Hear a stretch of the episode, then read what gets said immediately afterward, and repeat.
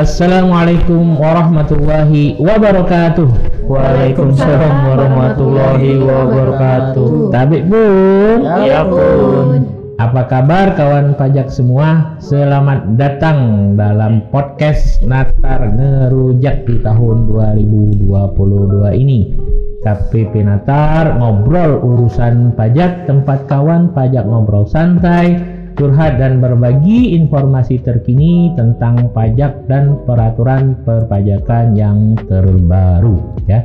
Dalam episode ke-26 ini ya dengan tema pajak karbon saya Muhadi penyuluh KPP Pratama Natar yang akan memandu obrolan kita pada hari ini.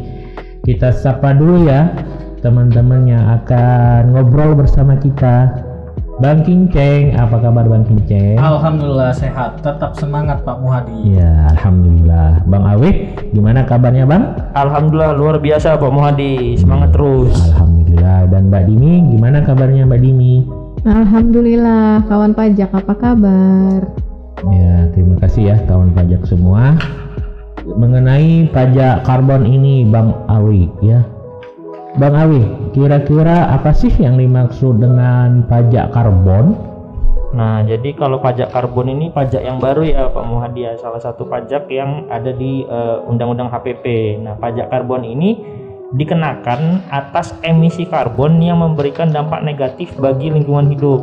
Nah, pengenaan pajak karbon nanti dilakukan dengan memperhatikan peta jalan pajak karbon dan peta jalan pasar karbon. Peta jalan pasar kar pasar karbon eh, pajak karbon itu memuat strategi penurunan emisi karbon, sasaran sektor prioritas, keselarasan dengan pembangunan energi baru dan terbarukan, dan atau keselarasan antar berbagai kebijakan lainnya. Kebijakan peta jalan karbon nanti ditetapkan oleh pemerintah dengan tujuan DPR RI. Nah, seperti itu Pak Muhadi. Hmm, untuk pajak karbon ini tujuannya apa ya? Maksudnya ini emisi karbon itu apa? Limbah gitu ya? Apa sih ini emisi karbon? Terus tujuannya apa? Nah, ada ya. pajak karbon. Ya, jadi pajak karbon ini me, tujuannya menurut Menteri Keuangan ini tujuannya awalnya adalah untuk uh, Indonesia ini kan berkomitmen nih Mbak Dimi untuk mengurangi emisi gas rumah kaca sebanyak 26% tahun ini nih dan meningkatkan menjadi 29% tahun 2030. Selain itu untuk menurunkan emisi gas rumah kaca dan perluas basis perpajakan juga nanti nan yang nantinya pajak itu akan dialokasikan dalam pengendalian perubahan iklim. Hmm. Jadi nggak cuma nyari uangnya aja nih Mbak Dimi pajak karbon ini supaya mengurangi emisi karbon di negara kita seperti itu. Hmm, gitu. Tujuannya kayaknya mulia sekali nih. oh iya. Kemudian kalau emang sudah seperti itu, subjeknya sendiri ini siapa Bang Awe? Nah, untuk subjek pajak e, karbon ini nantinya adalah orang pribadi atau badan yang menghasilkan emisi karbon dan atau orang pribadi atau badan yang melakukan pembelian barang yang mengandung karbon. Jadi uh, dua ya Bang Kinceng tadi.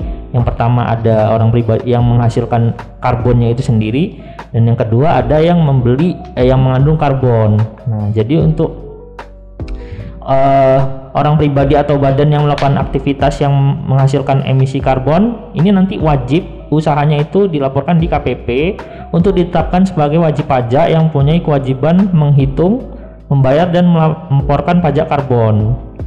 Wajib pajak yang melakukan aktivitas yang menghasilkan emisi karbon nantinya dikenai pajak karbon atas emisi karbon yang dihasilkan selama satu tahun pajak dan dihitung dengan cara mengalihkan tarif pajak karbon dengan dasar pengenaan pajak karbonnya. Wajib pajak yang menghasilkan emisi karbon wajib melaporkan aktivitas yang menghasilkan emisi karbon untuk setiap unit penghasil emisi dalam satu SPT tahunan pajak karbon yang meliputi seluruh unit penghasil emisi. Sedangkan pajak karbon atas pembelian barang yang mengandung karbon di dalam negeri terutang dan dipungut serta disetor oleh pemungut pajak karbon di tempat dilakukannya penjualan barang yang mengandung karbon. Pemungut pajak karbon ditetapkan oleh DJP dan pemungut pajak karbon wajib melaporkan SPT masa pajak karbon pada KPP tempat pemungut pajak karbon terdaftar. Oh gitu. ada SPT masa baru ternyata. Iya, nanti ada Iya, iya. SPT Itu Bang Awi ya. karbon. Jadi ada subjek pajaknya yaitu orang atau badan yang menghasilkan karbon. Nah, kira-kira apa yang menjadi objek pajak karbon ini, Bang Awe? Yang dasar hitungannya.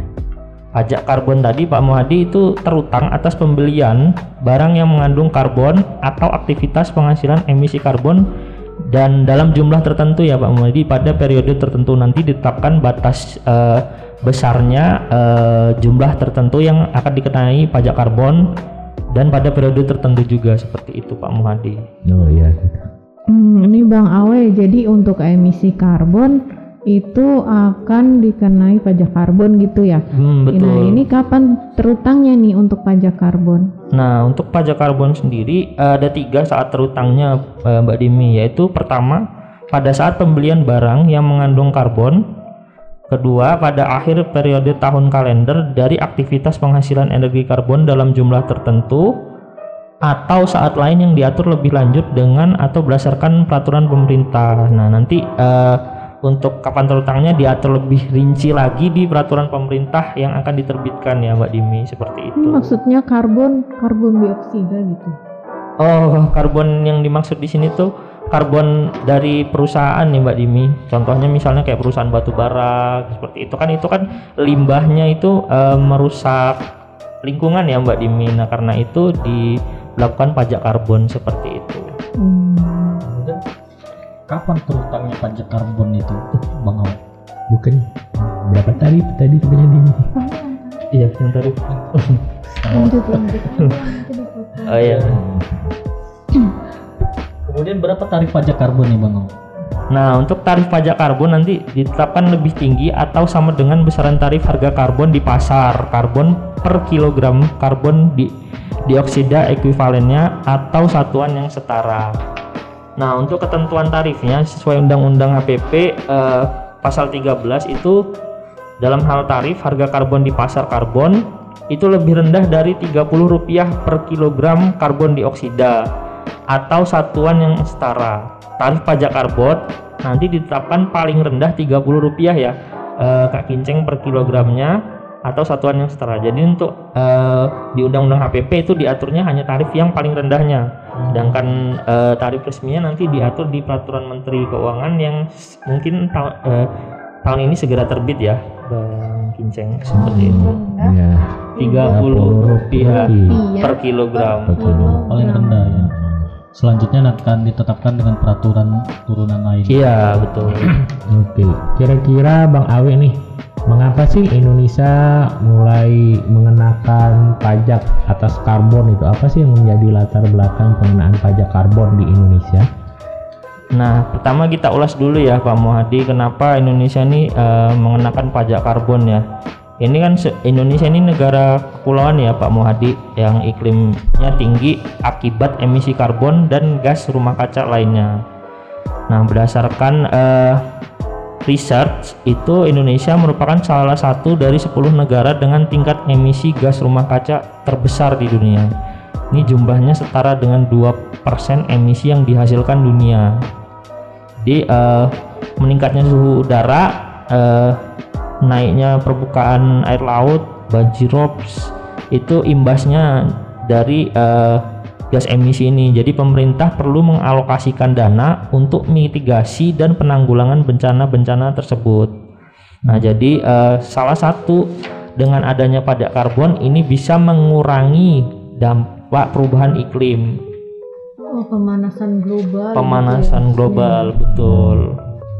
Nah terus juga pemerintah kan eh, pemerintah Indonesia ini kan sangat mendorong ya bagi warganya untuk pemanfaatan energi terbarukan ya, apalagi eh, sudah ada wacana bahwa nanti di ibu kota negara baru kita Nusantara itu kan nanti eh, tidak boleh menggunakan bahan bakar fosil. Nah salah satunya Wow, mendukung progresif sedar sekali ya. Betul dan apalagi eh, kalau kita melihat tarif eh, yang di PPS ya Pak Muhadi program penguapan sukarela itu apabila kalau diinvestasikan untuk eh, tenaga diperbarukan itu tarifnya kan paling rendah. Heeh. Nah jadi pemerintah ini sangat pro sekali untuk Indonesia eh, menggunakan energi yang terbarukan. Nah, karena itu eh, dengan adanya pajak karbon ini nanti eh, eh, Indonesia itu didorong untuk eh, menggunakan energi yang seperti tenaga surya, energi angin, energi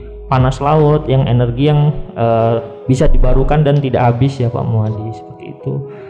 Dan selain itu juga eh, pajak karbon ini digunakan sebagai tambahan penerimaan untuk pemulihan ekonomi. Kita tahu bahwa eh, selama masa pandemi eh, pemerintah eh, sering sekali menerbitkan insentif, sering sekali memberikan bantuan sosial seperti itu dan itu juga eh, menguras anggaran kita ya. Jadi dengan adanya tambahan basis pajak ini eh, diharapkan ekonomi kita dapat segera pulih juga seperti itu Pak Muhammad. Amin ya.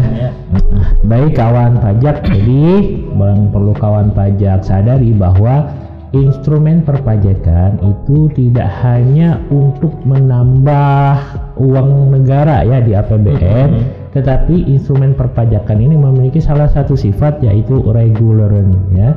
Ia berfungsi dapat mendorong, dapat memaksa, dapat mengarahkan industri-industri pelaku pasar untuk lebih berpihak ke arah industri hijau ya, industri yang tidak menghasilkan karbon yang banyak sehingga dapat membantu dalam perbaikan iklim, mengurangi efek rumah kaca sehingga eh, perubahan iklim itu dapat kita eliminir hal-hal negatifnya. Dan salah satunya Indonesia bergerak kepada pajak karbon. Dan diharapkan efek dari pajak karbon ini mendorong perilaku masyarakat untuk lebih memilih energi hijau, energi yang terbarukan sehingga mengurangi polusi karbon di rumah kita kawan pajak semua. Baik kawan pajak semua jangan lupa follow akun Instagram KPP Pratama Natar di @pajaknatar. Mudah-mudahan siaran podcast Natar Ngerujak kali ini membawa manfaat dan informasi yang berguna bagi kawan pajak semua. Jangan lupa ikutin terus siaran Natar Ngerujak.